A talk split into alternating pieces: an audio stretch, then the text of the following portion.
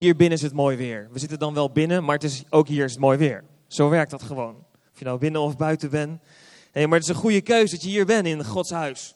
En um, gisteren waren wij bij de Man Conference. Ik was er ook bij. En um, toen werd al genoemd, ja, weet je, het was een prachtige dag. Een heerlijke dag om naar het strand te gaan.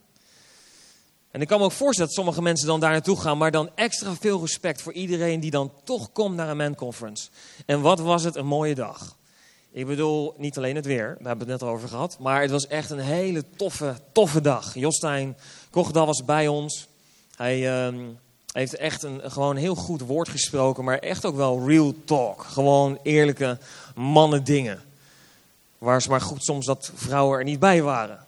Nou goed, ik, ik overdrijf een beetje, maar nee, soms is dat nodig. En ik uh, bemoedig je echt, als je niet geweest bent, weet je, ga volgend jaar mee. Weet je, reserveer die tijd en zorg dat je gewoon aanhaakt daar. Dat je daar deel van bent. Precies zoals Thomas net zei. Weet je, er staan daar een paar honderd man, weet je, die dan God aanbidden. Ik hou van, weet je, dat we met elkaar family zijn, mannen en vrouwen. Maar er gebeurt wel iets, iets, iets bijzonders als, er, als je al die mannen God hoort aanbidden. Weet je, en wat zo'n tof is, is dat je, dat je dan met vrienden bent en mannen om je heen die elkaar bemoedigen. En dan je elkaar kijkt van, hé, hey, oh, als hij het doet, nou, dan gaat hij van mij ook omhoog. Weet je wel zo.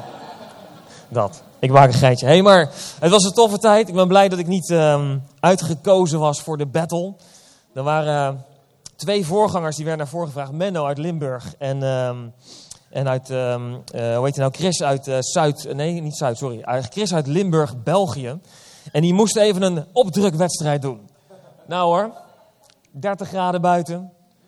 We hebben dat zo ongeveer. Kom naar voren. En uh, ik Chris als eerste en daarna Menno. Nou, Menno won het uh, glansrijk, deed hij goed.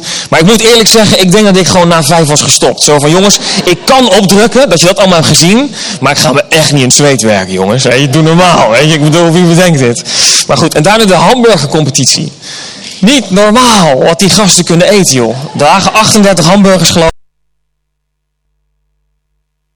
Dat moest in een, een veel te korte tijd. Maar goed,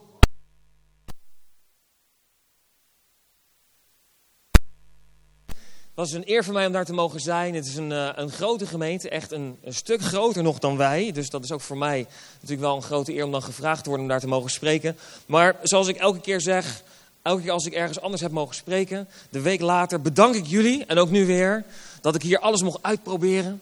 Weet je, God tot me laten mogen spreken door me heen. En dat jullie ook de genadefilter altijd goed toepassen.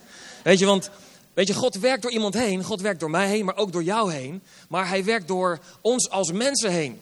En dat betekent dat er toch altijd wat uitkomt wat je dan uh, door jouw bril, weet je, wat jij hebt meegemaakt, hoe God dat door jou vertaalt. En soms kan het nog wel eens zijn dat er dan iets uitkomt waarvan je denkt naderhand, oh, had ik dit wel moeten zeggen. Weet je, en ik zal daar niet uh, te veel verder op ingaan. Weet je, sommige mensen weten misschien ook wel wat ik bedoel. Misschien zit je hier en dan denk je, nou Daan, het is goed dat je daarover begint. Want uh, ik heb nog wel eens even, en misschien is jouw lijst wel zo lang. Sorry. Uit het diepst van mijn hart, weet je. Ik bedoel het goed, weet je. Maar soms kan het zijn, weet je, dat ik dan in mijn enthousiasme iets, iets roep.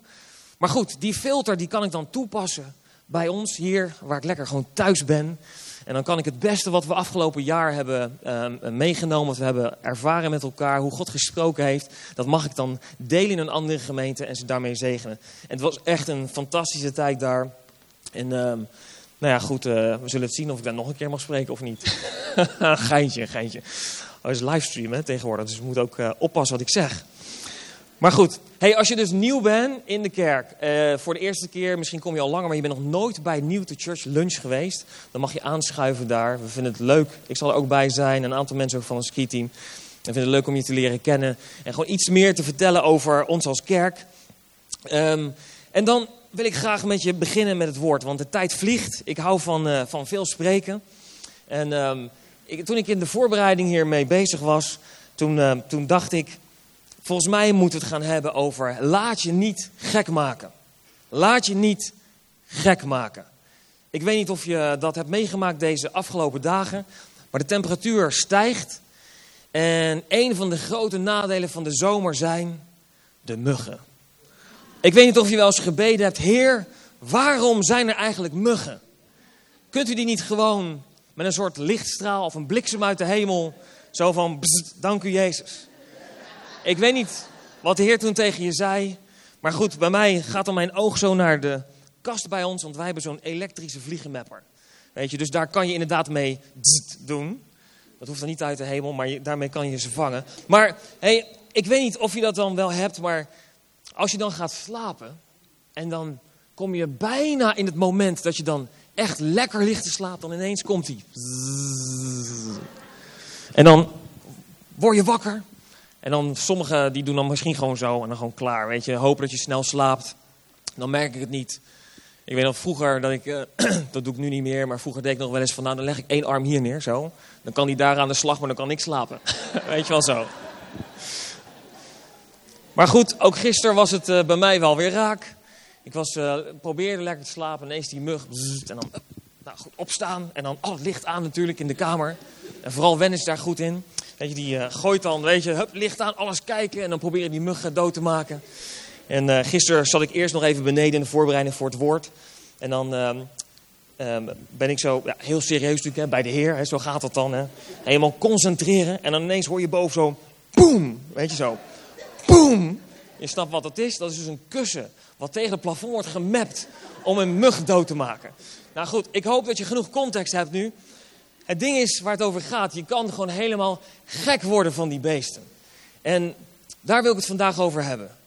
Waarom bestaat de mug? Nee, daar wil ik het niet over hebben. Nee, nee, nee. Geintje. Het gaat even om de context. Je kan er helemaal gek van worden. En uh, het thema waar ik vandaag over wil spreken is: laat je niet gek maken. Want er zijn zoveel dingen in ons leven die kunnen gebeuren, die zich opstapelen, net op het verkeerde moment. Net in de uitdaging uh, die, je, die je eigenlijk liever op dit moment even niet voor je zag. Misschien heb je een keuze gemaakt om voor God te gaan. Misschien heb je gezegd, Heer, ik wil mijn leven aan u geven. En je bent nu inmiddels misschien een maand verder, misschien een jaar, misschien al jaren. En ontdek je dat er dingen gebeuren die je niet had voorzien.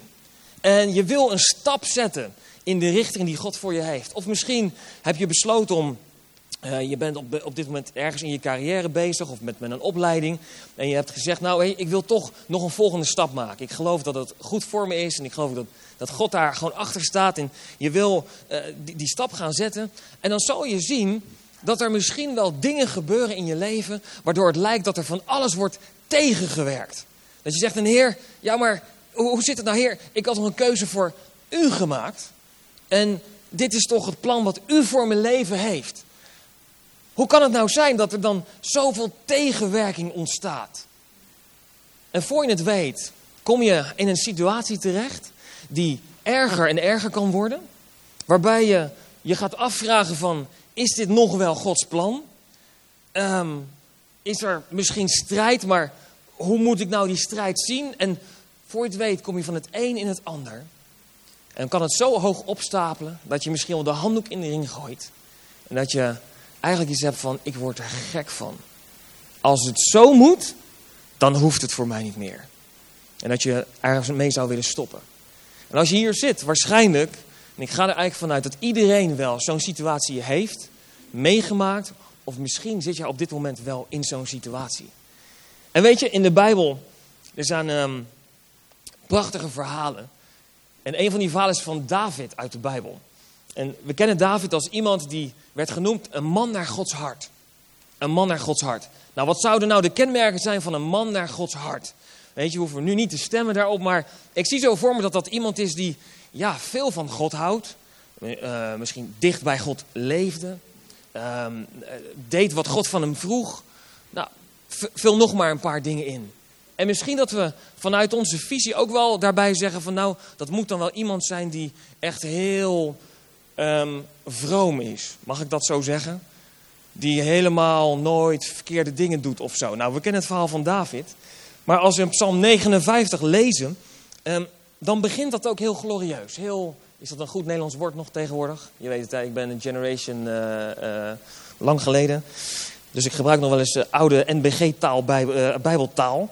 Dus als je dat niet snapt, dan moet je het maar gewoon even aangeven. Maar we lezen in de Bijbel, in Psalm 59, daar zegt David, ik verwacht alles van u, want u bent zo veilig bij u als in een burcht. Nou, wat is nou een burcht? Dat is een soort kasteel waar je in kan zitten, veilig, de, de, de, de deuren dicht en eh, de vijand kan niet bij je. Mijn God, u houdt van mij en u komt mij ter hulp en u zal mij de overwinning geven. Wat een mooie tekst, wat in lijn met wie God is en hoe God houdt van mensen. Maar dan lezen we een paar versen verder. En staat op het scherm. Dan gaat David verder in hetzelfde stuk. Hè? Dus eerst is hij helemaal into God. Echt zo'n mooie, um, zo, zo, zo mooi gedicht. Weet je, waar je de liefde van de Heer ervaart. En dan ineens begint hij. Maar laat hen ronddolen en breng hen ten val. Heer mijn schild. Vernietig hen in uw boosheid. Vernietig hen zodat er niets van hen overblijft. Laat ze maar door de stad zwerven als een troep huilende honden. David, waar komt dit vandaan? Ik bedoel, eerst zat je helemaal into God. De Heer houdt van je. En sterker nog, na dit stukje gaan we weer over naar vers 17. Maar ik zal zingen van uw kracht. En vers 18. U bent mijn kracht. Van u wil ik zingen, want mijn God is mijn burcht. Mijn liefdevolle God. Zie je wat hier gebeurt? David zat, en het gaat te ver om nu de contexten uit te pakken, maar David zat in een situatie die moeilijk voor hem was. Waar hij een uitdaging had, waar hij niet snapte wat er gebeurde. Sterker nog, je ziet hier zo eigenlijk de emotionele rollercoaster waar hij doorheen ging. Heer, u bent mijn God, ik hou van u. U heeft het beste met mij voor. Bij u ben ik veilig. Maar ik zit in een andere situatie dan dat ik net zong. En dan komt de situatie over waar hij over zijn vijanden praat. Waar hij het gevoel heeft dat hij wordt tegengewerkt. En dat er een vijand op, op de loer ligt en hem probeert neer te halen. Maar daarna sluit hij zijn woord af. Maar heer, oké, dat maak ik mee, maar bij u ben ik veilig. En u zorgt voor mij.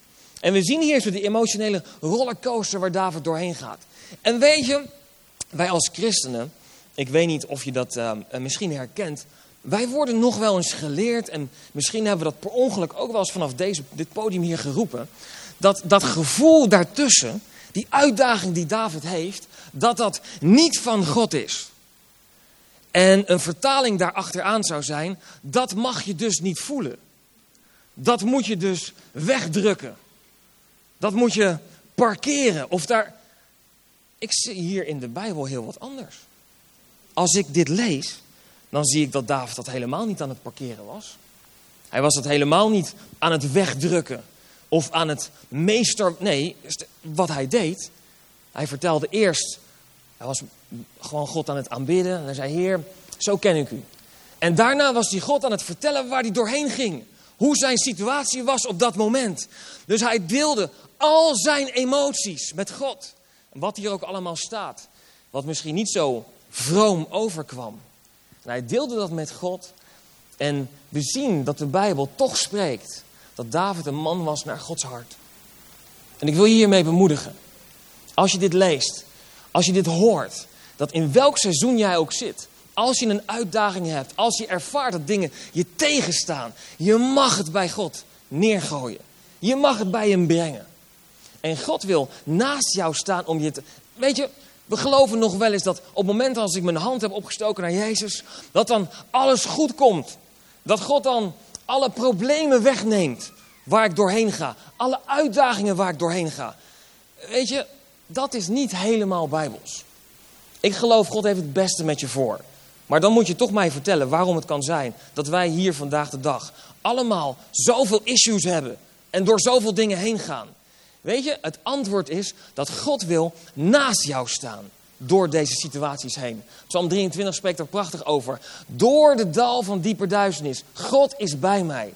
Al voel je je verlaten, al voel je je alleen, al voel je dat God niet dichtbij is. Nee, het woord zegt God is bij je. En dat is de waarheid. Weet je, voor je het weet, kan het zijn dat we verwachten dat het over is, dat alles opgelost is. En dan is het niet opgelost. En dan denken wij, God is niet bij me.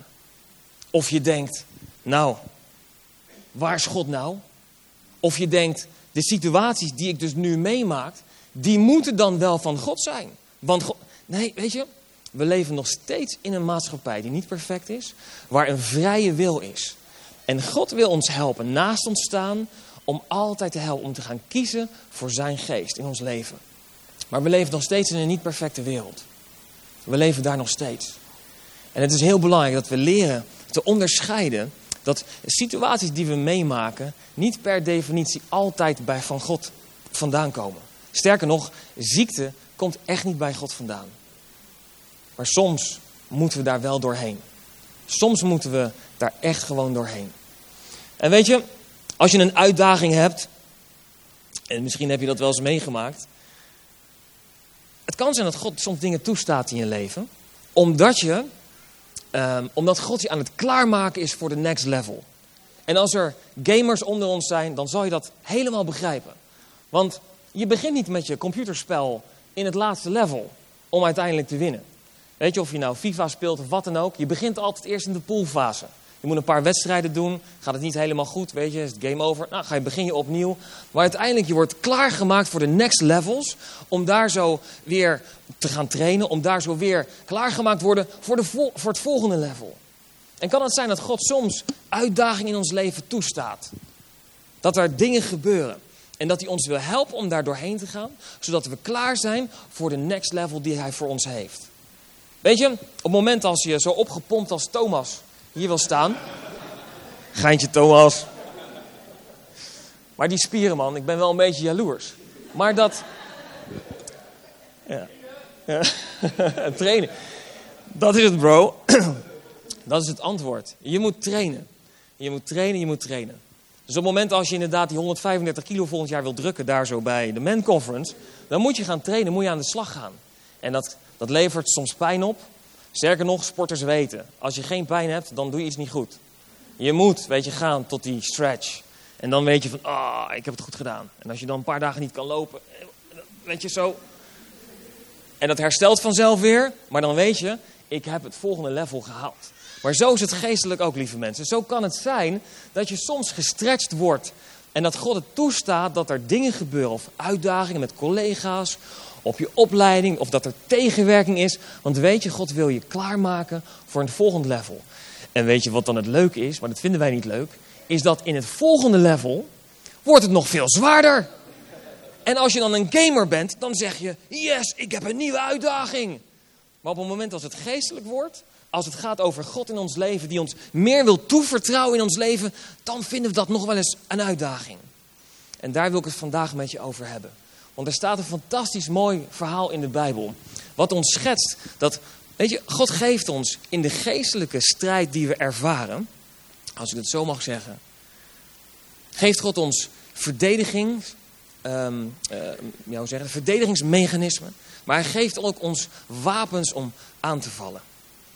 En ik wil met je kijken naar, het gaat te ver om dit helemaal uit te diepen. Maar ik wil met je kijken naar één onderdeel wat specifiek gaat over het aanvallen op het moment als het te zwaar wordt of te moeilijk wordt of als je een uitdaging hebt. En nou weet ik dat ik nog niet gebeden heb, dus dat ga ik nu doen. Lieve Jezus, dank u voor vandaag. U bent zo goed, Heer.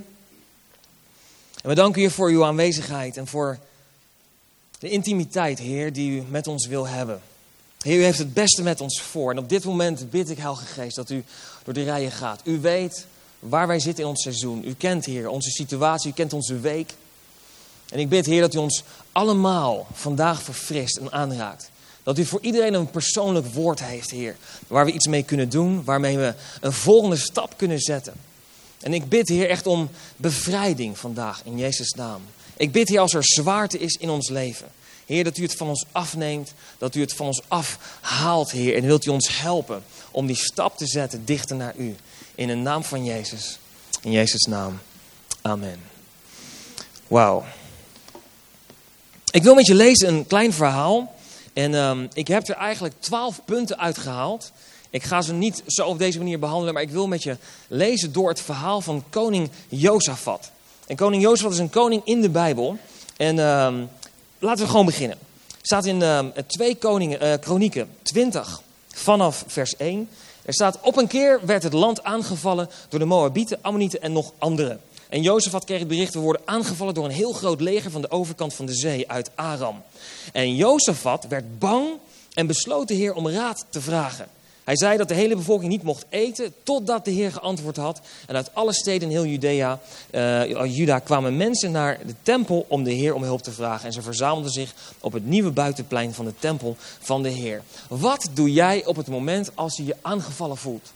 Wat doe jij als er een uitdaging voor je staat? Dus jij gaat een stap zetten in de richting die God voor je heeft. Je, je gaat een uitdaging aan in je leven. Of dat nou in de kerk is, of dat nou op je werk is, op school, misschien in je gezinssituatie, misschien in een relatie. Misschien ben je op zoek naar een partner. En je zegt, Heer, ik wil een partner. En je gaat een stap zetten om iets te ondernemen. En dan ineens lijkt het dat heel de wereld tegen je is. En dat er een geestelijke vijand als het ware op jou loert. En dat alles moeilijk wordt om je heen. Wat doe jij dan? Laten we leren van wat Jozefat deed. Hij besloot om raad te gaan vragen aan God. Weet je, de verleiding voor ons is dat we, dat we ons omdraaien en zeggen... nou, dit is dan niet van God. Laten we dan maar iets anders gaan zoeken. Nee, wat deed Jozefat? Die ging naar God toe en die zei... Heer, wat nu hier gebeurt is niet van u. Dit kan niet. Wilt u ons gaan helpen?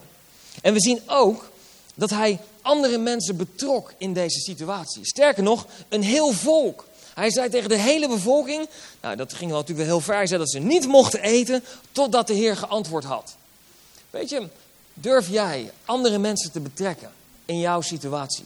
Als jij een geestelijke uitdaging hebt, wie heb jij naast jou staan? Wie durf jij aan te spreken, te zeggen, hey, wil je voor me bidden? Wil je naast me staan? Wil je meekijken in deze situatie? Wil je met mij samen God zoeken? Zodat ik een doorbraak mag gaan ontvangen. We lezen verder. Jozef stond daar en hij zei: Heer, God van onze voorvaders, Abraham, Isaac en Jacob, u bent de God in de hemel. U heerst over alle volken. Alle macht en kracht is van u en niemand kan het tegen u opnemen. U bent onze God. U heeft voor ons volk, alle volken die hier wonen, weggejaagd. U heeft het land voor altijd gegeven aan het volk dat ontstaat is uit uw vriendschap. Wat deed Jozefat hier? Hij ging opnieuw naar boven halen de herinneringen die hij had over God. Het is zo belangrijk dat wij ehm, elkaar vertellen wat God heeft gedaan in jouw leven.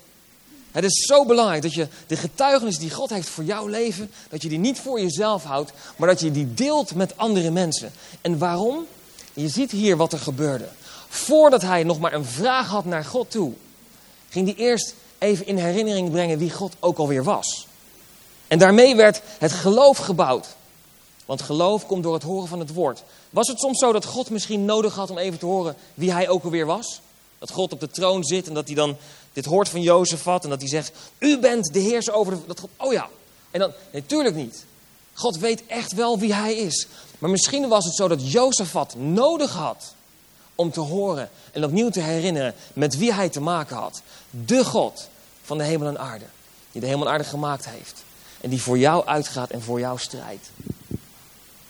En we lezen verder.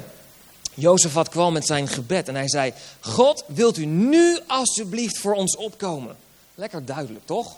Gewoon duidelijk tegen God zijn. Heer, ik zit nu in een moeilijke situatie. Wilt u nu voor mij opkomen? Wilt u het nu voor me gaan oplossen?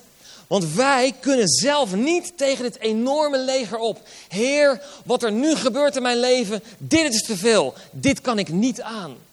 Ik heb u keihard nodig. Sterker nog, Jozef had zei, we weten niet wat we moeten doen. Misschien wel radeloos.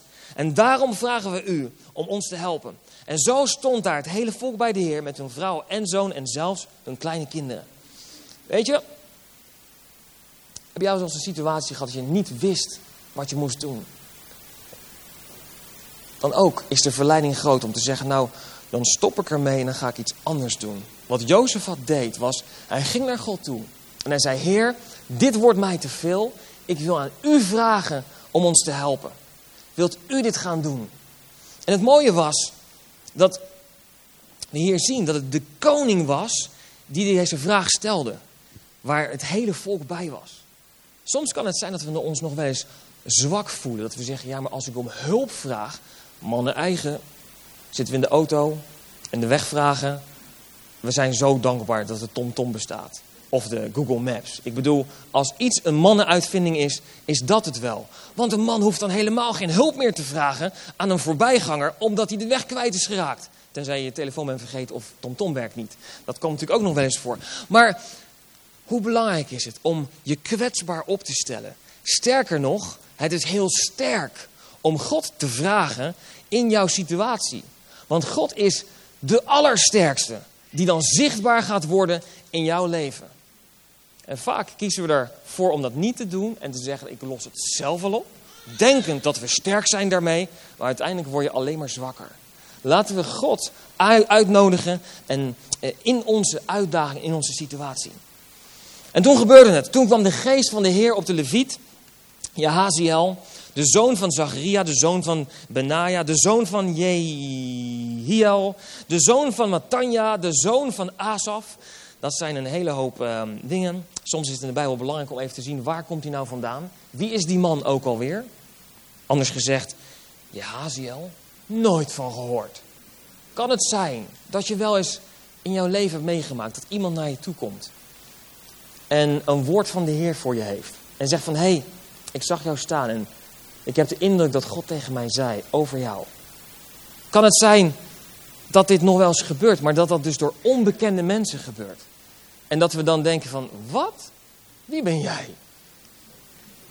Ik bedoel, God spreekt zelf wel tegen mij. Of als ik gebed nodig heb, of als ik een vraag heb, dan ga ik wel naar de voorganger. Of naar een iemand. Weet je, hier was gewoon iemand een leviet, gewoon iemand die in de kerk hielp. Dat waren levieten in die tijd. Die een woord had en die zei, luister bewoners van Juda van Jeruzalem, luister koning Jozefat. Oeh, dat is voor koning Jozefat nogal wat. Gewoon iemand die daar staat, die zegt, luister koning Jozefat, de Heer spreekt. Durf jij het woord van God door iemand anders heen te ontvangen? Want wat hij zei, dit zegt de Heer, wees niet bang voor dit grote leger. Jullie hoeven zelf niet te strijden, want ik zal voor jullie strijden. Dat is wat God, God zei. Trek morgen op. En jullie zullen niet te hoeven strijden, blijf gewoon staan. Dan zullen jullie zien hoe ik jullie red. Jullie hoeven niet bang te zijn, gaat de tekst verder. Trek morgen op en ik zal met jullie zijn. Weet je wat hier gebeurde? Jozefat had alle mensen bij elkaar verzameld. En ze zochten God. En God sprak door de menigte heen, door iemand in de menigte. Weet je, ik haal hier uit dat er is iets op het moment als een kerk bij elkaar komt. Als een groep gelovigen bij elkaar komt. Dat God kan spreken door de groep van gelovige mensen heen. En kan het zijn dat we soms nog geen antwoord hebben in ons leven, omdat we ons onttrekken aan een groep. En dat we zeggen, nou Heer, u moet het zelf wel tegen mij spreken. Weet je, als God nog niet gesproken heeft tegen jou, dan kan het zijn dat er twee dingen zijn. Weet je, het kan zijn dat God al lang gesproken heeft, maar dat hij eigenlijk wil van, ga nog eens even terug, ga even nadenken naar wat ik allemaal tegen je gesproken heb.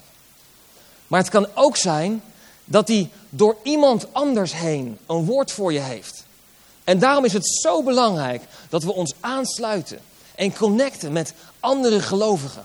En ik geloof dat het goed is om in een kerk te zijn, een kerk zoals deze. Om in een connectgroep deel van te zijn. Op zondag in de diensten te zijn, zodat je met elkaar kan beleven wat God doet en wat God wil spreken. Ik geloof dat God niet alleen door mensen hier on stage praat.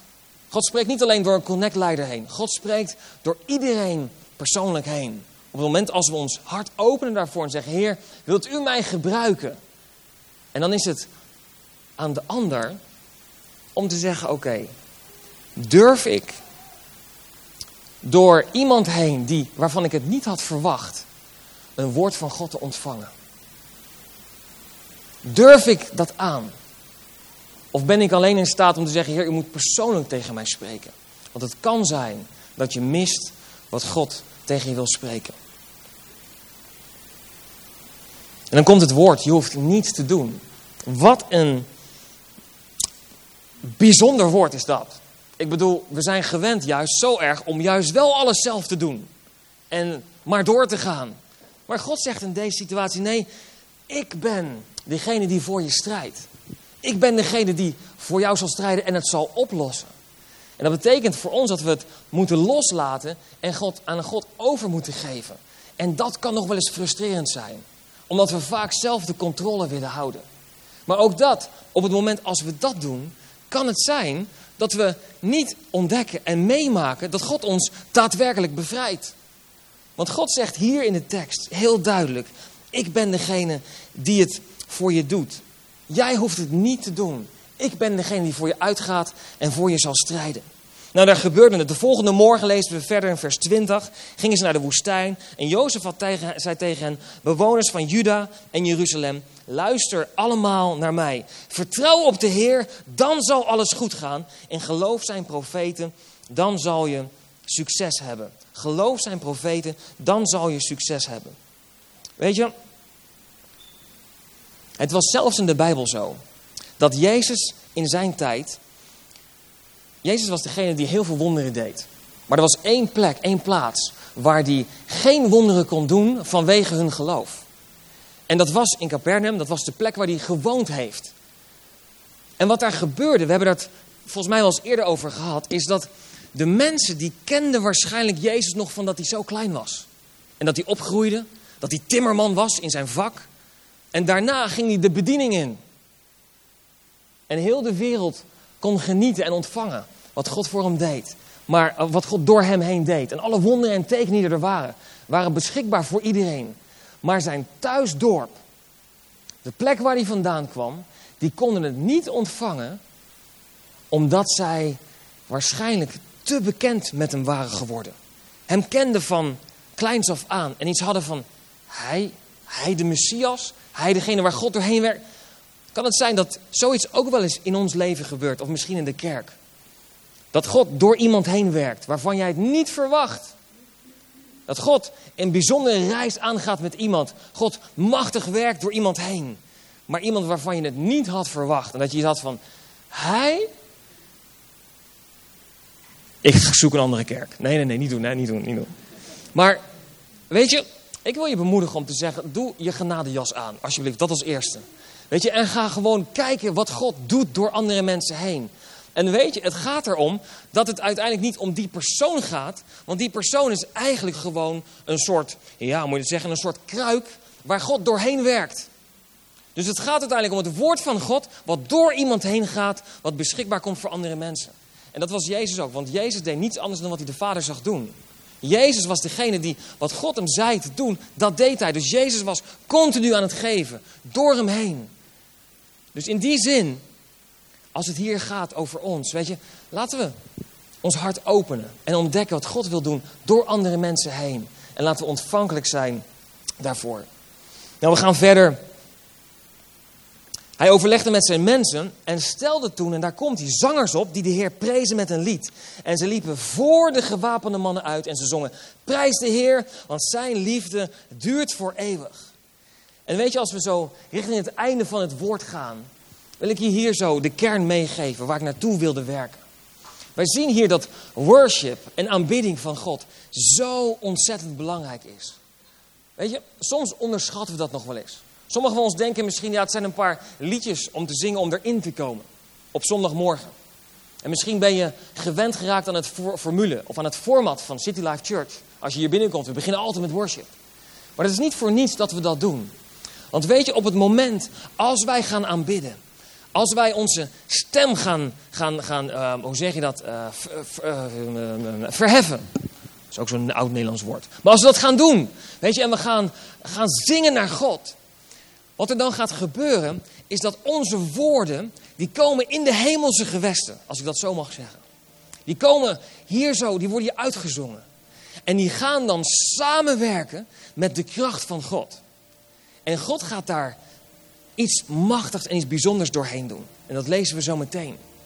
Maar vaak denken wij dat het gewoon zingen is. Zingen is voor onszelf. Zingen is om ons hart. Nee, weet je, de woorden die je uitspreekt, die hebben kracht. En op het moment als wij in aanbidding naar God zingen en naar Hem ons uiten, wat er dan gaat gebeuren, is dat er een shift gaat komen in de hemelse atmosfeer, in de geestelijke atmosfeer. En dat is de reden dat we altijd starten met aanbidding. Dat we altijd starten met worship hier. Omdat er een geestelijke strijd gaande is die wij gaan winnen. Amen. En wat we zien hier is dat ze zongen. Dus wat ze deden, nog voordat de strijd was gevoerd, stuurden ze worship voor hun uit. En ik daag je uit om dat ook te doen. Heb je een uitdaging? Heb je een, heb je een situatie waar je doorheen gaat? Stuur eerst aanbidding vooruit. Nog voordat de strijd gaat plaatsvinden.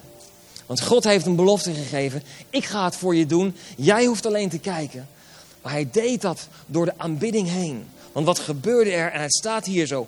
Op het moment dat zij de Heer begonnen te prijzen. En daarom is aanbidding zo belangrijk in ons leven. Bracht de Heer de legers van de Ammonieten, Moabieten en Edomieten in verwarring. En de Ammonieten, Moabieten vielen de Edomieten, en, uh, vielen de uh, Edomieten aan en ze doden hen. En daarna gingen ze elkaar te lijf en ze doden elkaar. Anders gezegd, op het moment als wij God gaan aanbidden als we Hem op nummer 1 zetten in ons leven. En is het nou zo dat God dan pas gaat werken? Is het zo dat God dat nodig heeft als herinnering? Zo van, oh ja, daar zingen ze, dus nu ga ik daar aan de... Nee, het gaat erover dat wij onze geestelijke autoriteit die wij gekregen hebben... gaan verbinden met Gods autoriteit. En dan gaat er hier iets gebeuren. En wat lezen we hier? Er komt verwarring bij de vijand. Als jij door situaties heen gaat die je beangstigen, zoals Jozefat. Als je gaat door een moeilijke tijd, als je uitdagingen hebt, als het lijkt dat je tegen een muur aanloopt en je weet niet wat je moet doen. Hier staat wat we moeten doen. Ga naar God toe. Leg het hem voor en zeg: Heer, wilt u ons helpen? Wilt u vertellen wat we moeten doen? Sta open om te ontvangen wat God tegen je wil spreken. En God zegt hier zo: Je hoeft niets te doen. Ik heb het al voor je gedaan. Jezus heeft 2000 jaar geleden aan het kruis alles al gedaan voor ons. Het is volbracht. En het enige wat wij moeten doen is gewoon staan en luisteren naar God. En als Hij zegt, ik wil dat je een stap zet naar voren om een grondgebied in te nemen, dan is het niet dat wij hoeven te vechten. God heeft de strijd al geleverd. Maar wij moeten wel die stap zetten om uiteindelijk dat grondgebied in te nemen. God wil zo graag door jou en door mij heen werken. Hij wil zo graag meer door jou zichtbaar zijn. En de uitdaging die we hier meekrijgen is om in geloof onze worship vooruit te sturen. Terwijl we een issue of een situatie of een uitdaging hebben. Te vertrouwen dat God gaat ingrijpen. En wat we zien is als we ons stem verheffen, als wij Hem aanbidden, dan gaat God machtig aan de slag. En dan komt er verwarring in het kamp van de vijand. En uiteindelijk, het mooie is, de vijand verslaat zichzelf. Ik bedoel, loser. Ik bedoel, hoe dom kan je zijn? Maar zo werkt het wel. Zo werkt het wel. En ik hoop dat je met me bent. En dat als jij hier bent, als je zegt, ja hé, hey, ik heb zelf, of ik ga door dit moment, door een moeilijke situatie, ik heb een uitdaging. Ik zie het niet meer zitten. Dan wil ik je uitdagen om vandaag jouw moment te maken. Om die worship naar God te richten. En te zeggen, Heer, wilt u mij helpen? En ik ga, ga u nu aanbidden. En de verwarring zal gaan komen in het kamp van de vijand. Ik wil je vragen, zullen we gaan staan? En het worshipteam gaat ons zo meteen meenemen in een fantastisch nummer. En het mooie is, en ik sluit af met die tekst. Als we verder scrollen. Nou, dat doe ik natuurlijk op een iPad, hè, scrollen. Maar er staat in vers 28, 29 dat God hen blij maakte met de overwinning. En dat hij daarna rust gaf en vrede aan hun grenzen van het volk. En ik geloof dat dat uiteindelijk is waar je naartoe werkt. Ik geloof dat God ons die rust en die vrede wil geven. God wil ons die overwinning geven. Maar we hebben net gezien en ontdekt welke stappen ervoor nodig zijn. Dus ik wil je vragen om je ogen te sluiten op dit moment. En laten we een moment nemen Neem gewoon in je gedachten. Op dit moment. Als jij nu door een uitdaging heen gaat. Als er een situatie is die je beangstigt. Als er een situatie is die te veel wordt voor je. En het kan van alles zijn. Het kan van alles zijn. Als er een situatie is die je overmeestert. Misschien is er verslaving in je leven. Misschien is er een relatie-issue in je leven. Misschien heb je problemen met werk. Misschien ben je net ontslagen. Misschien kamp je met depressiviteit. Misschien is er pijn in je leven. Misschien zijn er problemen in families. Of welke uitdaging je ook hebt. Ik wil je vragen om die in gedachten te nemen op dit moment. En wil een, een gebed zo over je uitspreken. En die mag je gewoon van binnen zacht meebidden. En daarna gaan we God aanbidden. En dan gaan we dat aan Hem geven. En dan zullen we gaan zien dat er verwarring zal gaan komen in het kamp van de vijand. Lieve Jezus, dank u voor vandaag. Dank u voor dit woord van openbaring uit uw woord, Heer. Waarin u zo duidelijk handvatten geeft. Wat wij kunnen doen op het moment als het te veel wordt. Als we niet weten wat we moeten doen. En als we tegen geestelijke strijd aanlopen. Heer, op dit moment voor iedereen die hier is. Als je hier bent en je hebt iets in gedachten. Heer, dan willen we dat bij u brengen. U kent onze situatie. U kent waar we doorheen gaan. U kent onze uitdagingen. U kent onze strijd, Heer. En op dit moment willen we voor u komen. En willen we zeggen, Heer, we hebben u nodig. We kunnen dit niet alleen. We weten niet meer wat we moeten doen. En Heer, wilt u voor ons opkomen? Wilt u degene zijn, Heer, die het voor ons oplost? Wilt u degene zijn, Heer, die het voor ons anders maakt? Die ons de doorbraak geeft in de naam van Jezus? En op dit moment spreek ik over je uit. Dat de overwinning zal komen in je leven. Dat de Heilige Geest aan de slag zal gaan. En ik spreek over je uit dat je hem de ruimte geeft om aan de slag te gaan. En om met zijn frisse wind door je leven te gaan. In de naam van Jezus. En Heer, ik bid dat we mogen ontvangen de overwinning die al behaald is. En dat we mogen toekijken hoe u de vijand in verwarring gaat brengen. En Heer, op dit moment willen we ons naar u richten en willen we u aanbidden. Willen we de aanbidding vooruit sturen, waardoor de vijand in verwarring komt. Want als er één ding is waar de vijand niet van houdt, dat is het. Als wij Jezus gaan aanbidden. Als wij Jezus op nummer één gaan zetten. En ik spreek uit, als wij nu op dit moment God gaan aanbidden. Dat er als het ware een lichtkolom zal zijn. Die vanuit de hemel naar beneden zal, zal barsten. En ik bid, Heer, dat uw hemel open zal zijn. En dat we mogen ervaren dat u degene bent die bevrijdt. In de naam van Jezus. In Jezus' naam. Hey worship team, laten we God aanbidden. Kerk, laten we God aanbidden. Laat dit moment niet voorbij gaan om te ontvangen wat Hij wil doen in Jezus' naam.